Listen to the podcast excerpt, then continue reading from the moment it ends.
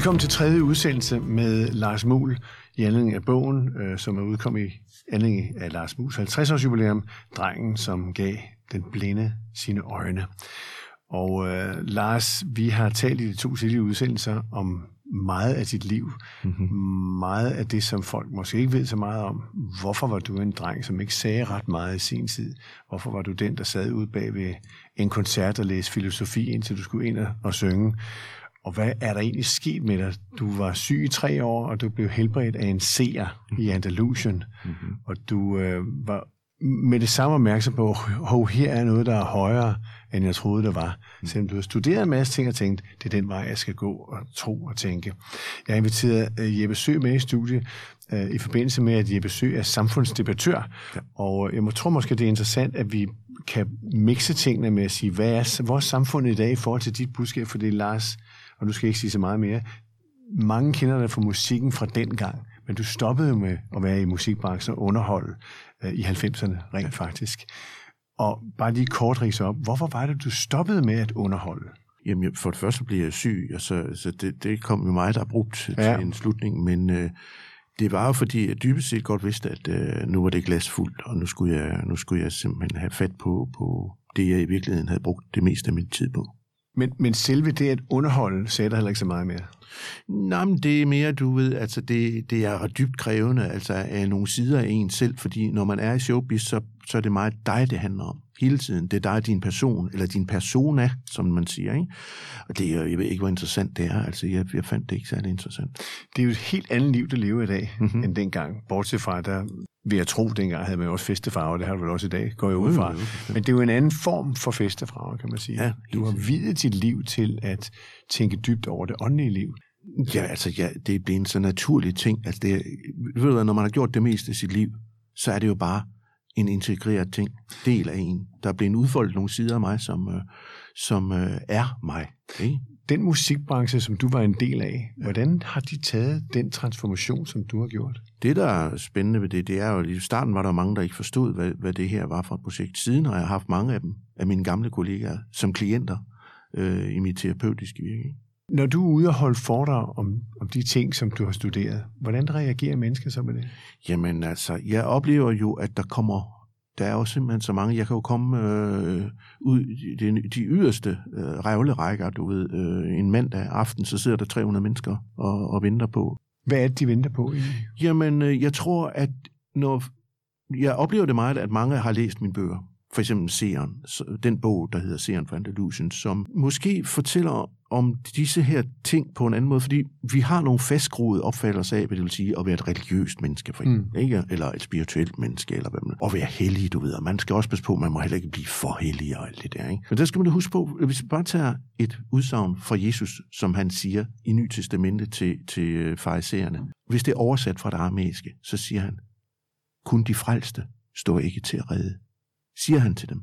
Og det, det synes jeg egentlig er et meget forfriskende budskab, at øh, når man er frelst, og man ser sig selv som, altså selvretfærdigt ser sig selv i forhold til andre mennesker.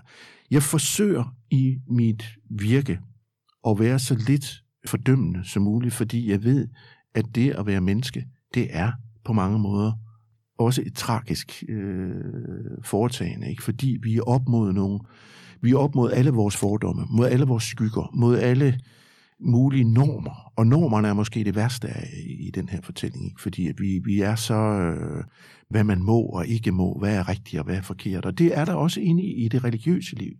Og øh, hvor jeg tænker, at øh, der er mange sindssyge begrænsninger, som egentlig står i vejen for det centrale i at få udfoldet øh, det indre liv.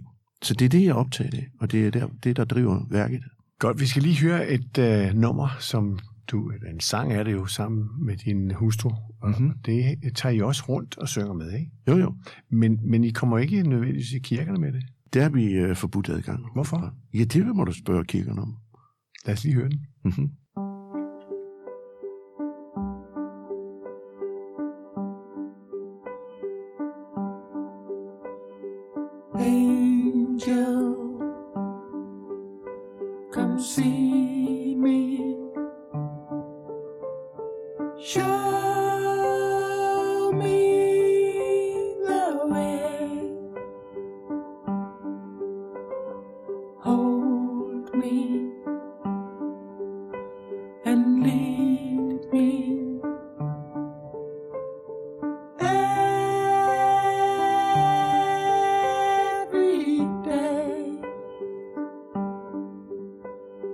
clear.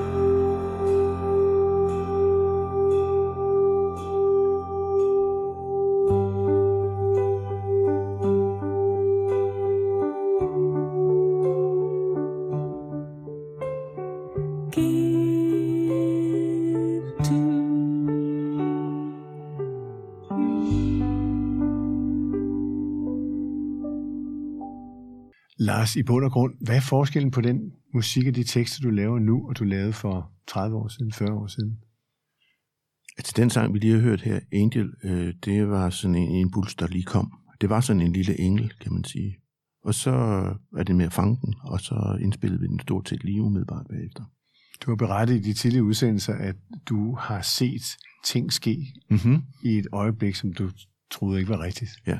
Er det det samme, der sker her?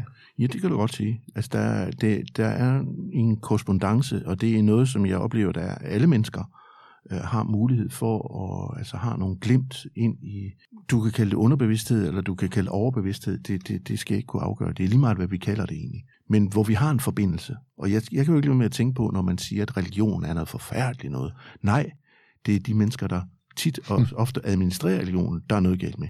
Religion kommer jo af latin religare, som betyder at genforbinde sig med noget højere. Ikke? Og så på den måde tænker jeg, det, kunne, det skulle vi da egentlig have noget mere af. Og Jeppe Sø, som er med her i studiet sammen med Lars Muhl, det skal vi have noget mere af. Du er ude og kommunikationsrådgiver, du er samfundsdebattør, du holder foredrag. Er det rigtigt, hvad Lars siger, det skal vi have noget mere af? Er det tiden? Jeg ved ikke, om det er tiden, men det måtte det gerne blive. Øh, jeg tror ikke, det er tiden.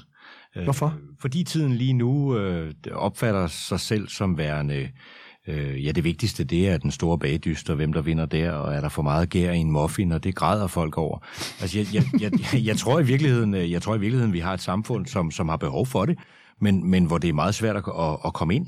Øh, Du siger også selv, at, at, at det er svært at for, forkynde sådan noget som det her. Det er det jo, fordi så skal du enten skal du enten skal du gøre det på den måde, som du gør det på, og det kræver jo øh, rigtig meget af lytteren og seeren og læseren. De skal læse en lang bog, og det er de måske ikke vant til. Eller også så skal man jo gå ind i den mere poppede version af branding, og, øh, og det tror jeg i virkeligheden slet ikke det her hører til i. Nej. Øh, og derfor er det da meget svært. Øh, jeg ved ikke, hvad de gjorde med Jesus. Du, du kalder ham jo næsten også branding, ikke? Jo, altså den Jesus, som vi, vi kender i hvert fald øh, på mange måder, ja. Ja. Så, så hvor- hvordan fik de ham ind? Altså, hvordan øh, er det det, der skal til, tror du, at man måske laver en mere målrettet version af det her, for at få det igennem? Hmm. Jeg tror i virkeligheden, at det har noget at gøre med erfaring at gøre. Øhm, man, øh, jeg, jeg oplever jo også, at flere og flere mennesker kommer, for eksempel hvis de opsøger mig, at øh, de er kommet til et eller andet tidspunkt i deres liv, hvor øh, de står i, befinder sig i en krise af en eller anden slags. Og det, som jeg så forsøger at hjælpe med, det er, at du, de svar, du leder efter uden for dig selv, dem bærer du allerede rundt på. Ikke som nogen form for, for coaching, men som en direkte erfaringsbaseret oplevelse, jeg selv har haft. En prøv, det var sådan her oplevede jeg det. Og jeg tror, at du kan opleve noget lignende, hvis du bare har tålmodigheden til at arbejde indad, i stedet for hele tiden at lø- søge øh, løsningerne uden for dig selv. Altså en egen refleksion.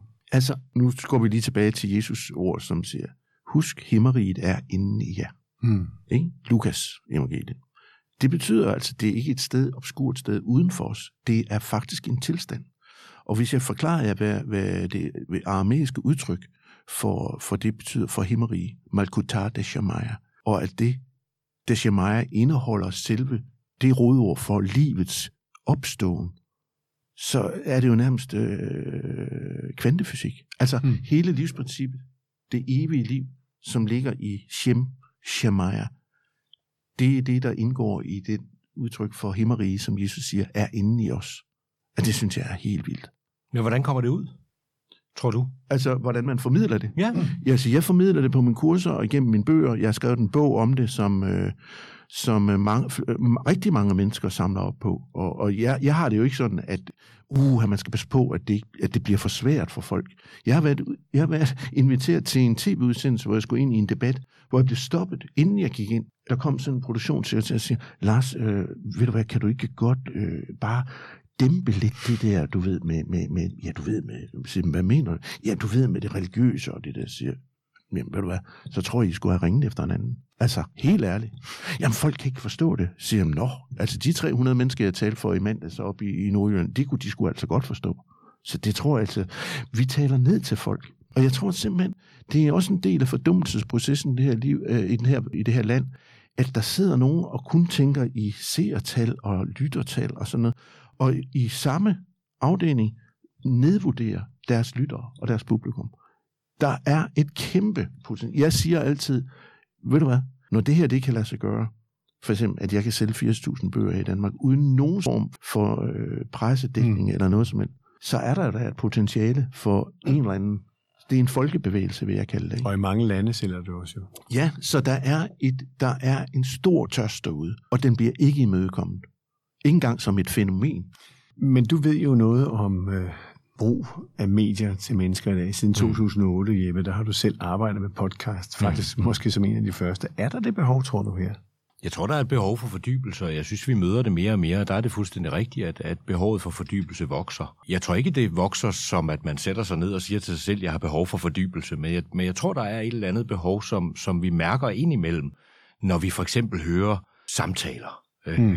Det er efterhånden så sjældent, for det hele det er debat og konfrontation, men når vi hører en rigtig god samtale, eller en, der kan fortælle, altså bare det, en fortælling, øh, den tror jeg, der tror jeg, vi opdager inde i os selv, at vi i virkeligheden har behov for det i vores liv.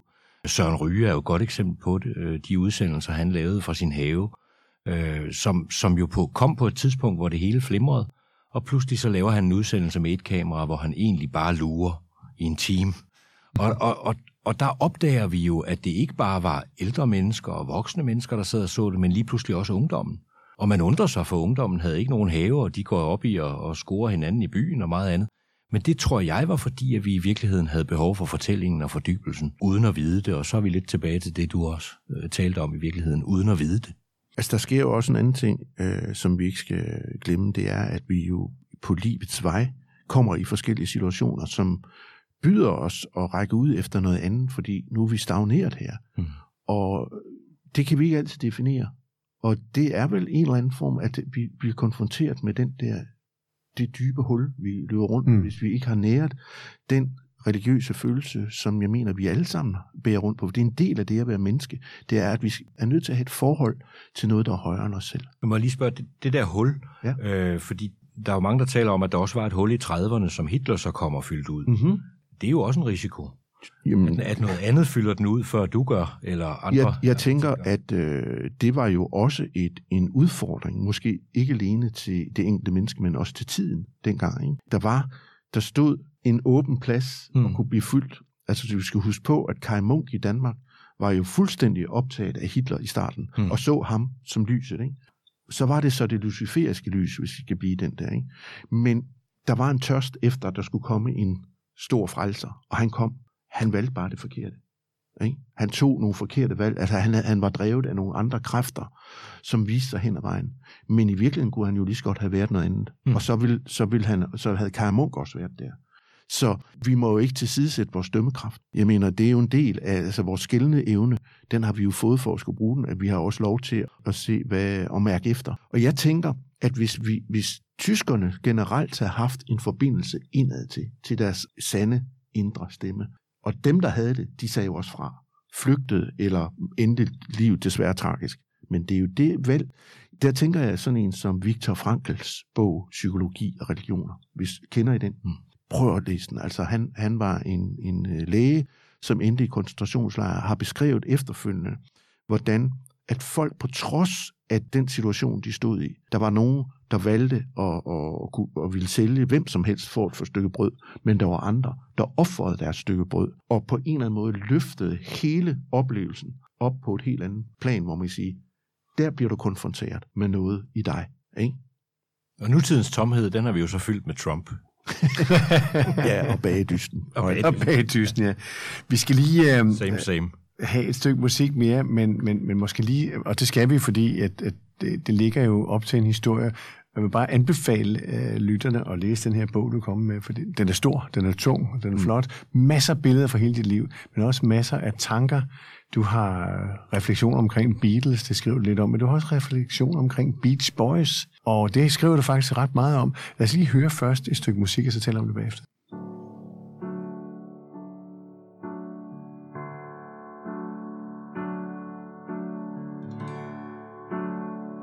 Love soon.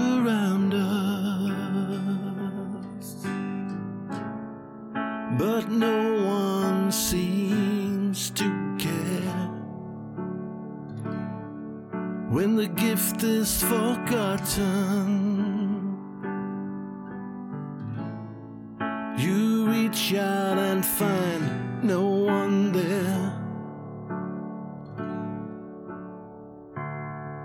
I thought we were brothers.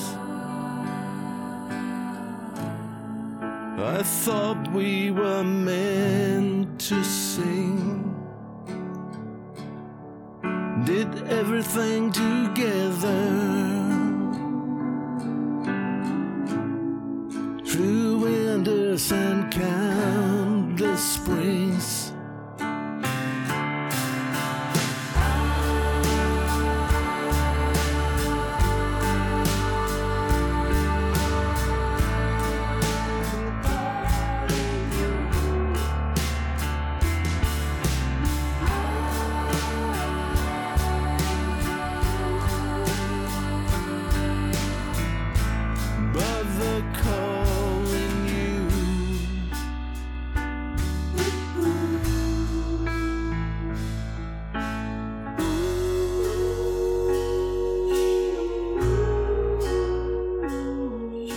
En speciel historie omkring lige præcis det her nummer.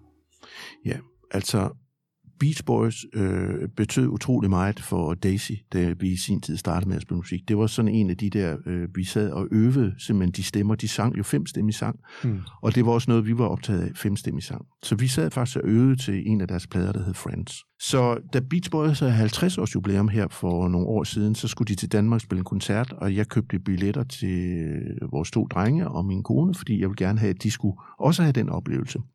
Og øh, cirka to måneder, eller en måned før, at Beach Boys skulle komme til Aarhus, så får jeg lige pludselig en, øh, en opringning midt om natten. Jeg er på vej ned der med prostataalderen, ikke? Så jeg skal være der ved, ved fire tiden, ikke? Og da jeg kommer ud derfra, så ringer min telefon. Og jeg tænkte, det var sgu da mærke. Så kan jeg se, det er et Kalifornien-nummer. Og der er sådan en dame, der, der præsenterer sig som øh, fra Beach Boys kontor i Kalifornien, om det er forfatteren Lars Muhl. Jeg tænker, hvem fanden er nu det, der laver nummer med mig her, jeg så. og jeg er sådan lidt øh, træ i det, og hun, er- jeg kan høre, hun er sådan meget, øh, hun bliver mere og mere sådan kontant. At, øh, og, nu, og så siger hun, jamen det er Lars Muhl. Nå, nu skal du høre, siger hun, øh, Al Jardine fra bandet har læst en af dine bøger, og vil meget gerne invitere til koncert Hmm. øh, her, når de kommer til Aarhus. Og hvor de har mit nummer fra, og hvordan de ved, at jeg bor i nærheden af Aarhus, og ikke i nærheden af København, for der skulle de også spille. Det ved jeg ikke. Og vi får bud på, at vi skal bare henvende os nede i receptionen i Aarhus Musikhus, og der sidder vi så og venter. Og bliver hentet og bragt ind, bliver udstyret med VIP-pas, og bliver simpelthen bare behandlet, som om vi er kongelige nærmest. Og Al Jardine ankommer, og han begynder straks at, at tale om, om min bog, øh, som øh, han har tusinder af spørgsmål til, og den aften, den går jo bare lynhurtigt, og vi ser koncerten op bagfra og alting. Og så siger han, inden de tager afsted, for de skal videre til Tyskland, vi skal ses igen. Og jeg tænker, ja, ja, fint nok at vi kender godt amerikanerne, ude af syne, ude af sind, og så er det det. Men det er også lige meget, for det har været en fantastisk oplevelse, vi har haft der bare. Så går der et par måneder, og så lige pludselig dukker der en, øh, en mail ind, om øh, der er koldt i Danmark, skriver Altadin. Fordi han synes, vi skulle komme derover, og vi kan være hans gæster, og øh, vi kan bo hos ham lige så længe det skal være. Og øh, tilfældigvis, så øh, mit amerikanske forlag vil have mig over til en bogmesse i Colorado, så det kan vi slå sammen på en eller anden måde. Jeg skriver til ham, jamen vi vil gerne besøge dig, men vi vil ikke bo hos dig. Altså det, det kunne jeg slet ikke forestille mig. Det ville jeg have det ubehageligt med. Men han insisterer, så siger han, jamen jeg har allerede arrangeret, at vi skal spille en koncert sammen. Og jeg vil gerne præsentere din bog på Henry Miller uh, Memorial Library i Big Sur. Så det var ligesom. Så vi, øh, efter vi har boet i øh, Colorado i en uges tid og været på messe der, så tager vi så et fly ud til Big Sur og bor der i 12 dage hos ham. Øh, fuldstændig magisk. Og det bliver ligesom sådan en, en cirklen, der slutter. Ikke? Altså der bliver sluttet der med Beach Boys fra vores, da vi starter, og så i Daisy, og så til. Og jeg fortalte ham jo, at, jamen, vi, at vi i Danmark havde siddet der og øvet efter Beach Boys. Det, det kunne han slet ikke forstå. Han synes, det var fuldstændig vildt, at der havde set nogle knægte deroppe. Altså, det kunne han ikke, han, jeg tror ikke engang, han var klar over, hvor, hvor kendt uh, Beach Boys i, i det hele taget var. Mm. Så øhm, han ringede rundt. Ja, han er besøg af forfatteren, du ved, og, og de har siddet og, øvet Beach Boys op i Danmark der. Sådan, sådan. Altså, det var helt øh, godt. Men han stillede op hver dag. Vi boede nede i en træhytte. En af de første øh, pionerhytter, der var, øh, af folk, der drog vestpå, og som hørte med til den grund, hvor han var. Og øh, hver morgen, så kom han ned med sin bog, fyldt med mærker og fyldt med spørgsmål, og så var det ellers bare i gang mere. og så var der en dag, hvor, hvor jeg sidder og øver op i, i studiet, og det er jo så på det øh, flyl, som øh, de fleste af de store hits er indspillet på. At det var nærmest den hellige gral for mig, det kan I godt forestille jer. og så en dag, der sidder jeg så og spiller på de klaver. Og så lige pludselig kommer den sang, vi lige hørte lidt af, som ligesom sådan en besked for en af de afdøde øh, Beach Boys. Det er måske en hemmelighed for nogen, men der er rigtig mange, der er klar over, at selvom Beach Boys er et er sådan harmonisøgende band, og, og så er der bestemt, har der aldrig været harmoni inde i det i band. At der har altid været mange konflikter. Så øhm, jeg føler selv, at det, det, den sang på en eller anden måde er et indlæg i den konflikt, der har været der altid. Da jeg så spiller den for, for Al, så flipper han fuldstændig ud, og, og tårerne triller, og han, øh, så begynder han så at fortælle nogle af de historier, som jeg har tørstet efter at få at vide, fordi I skulle regne med, hver gang han kom, så jeg stod med lige så mange spørgsmål om Beatbox, som han havde til min bog. Jeg fik da heldigvis øh, også øh, svar på de spørgsmål. Jeg fik mange sjove historier ud af det. Og det er nogle af dem, jeg beskriver i bogen også. Og læs det, vil jeg bare sige. Ja. Det er langt, men det er godt. Og har du stadigvæk forbindelse der? Ja, ja, ja. Der, vi har stadigvæk forbindelse. Han, jeg ved ikke, han opfatter mig temmelig sikkert som sådan en, øh, der har svar på alting. Men øh, han har jo selv været et, et søgende menneske i mange år, og var sammen med Beatles i, i Indien og alt det der. Ikke? Det har været tre meget interessante udsendelser, hvor du har taget noget af dit eget liv ud og serveret for os. Hvis man læser bogen, er der langt mere. Vi kunne også have talt Israel. Okay. Du har lavet film om Israel, du har været nede og filmet i en hule, og du har følt dig kaldet, og du har forkyndt, men det må man ikke her. Øh, skal vi måske til slut lige uh, sige, at det sidste i bogen, Mm-hmm. det er et afskedsbrev til Folkekirken. Kan du lige referere lidt af det? Jamen, det er jo bare, at der var en præst, der bekendt gjorde, at hun troede på reinkarnation. Så blev jeg indkaldt i en debat om det. Der var to præster, der var med i den debat, og den ene, hun står så og siger, ja, hun synes, det var på tide, at man tog den diskussion om, folkekirken kunne rumme en præst, der troede på sådan noget vrøvl. Og så blev jeg nødt til at sige, jeg synes, det var mere relevant at spørge og starte en diskussion om folkekirken kan rumme de 50 procent af de præsterne, som man efter undersøgelser ved, ikke tror på det, de forkynder. Det synes jeg var meget mere vigtigt. Har du fået svar på det? Nej, Havde du regnet med det? ja, det havde jeg faktisk. Ja, det selvfølgelig. Det og meget mere kan man læse i din bog, og øh, så vil jeg sige til Jeppe Søg og til lytterne, at øh, der kommer en speciel udsendelse med Jeppe Søg, hvor vi tæller kommunikation og noget af det, vi har talt om i dag. Lars, god vind, du sang. Ja. i sin tid Sjæl i flammer. Mm-hmm. Er den stadigvæk i flammer? Det er skatten der helst være, altså hvis der skal være noget bevægelse, så Hvor er du på vej hen? Jamen, forhåbentlig der er en af, der hvor, hvor det hele det foregår. Hvor er du henne efter det her liv? Jamen, det skal vi jo snakke om i en udsendelse på en anden planet om nogle i en næste. Vi laver en aftale Tak fordi, at I vil se mig her. i den grad. Tusind tak. Hej, hej.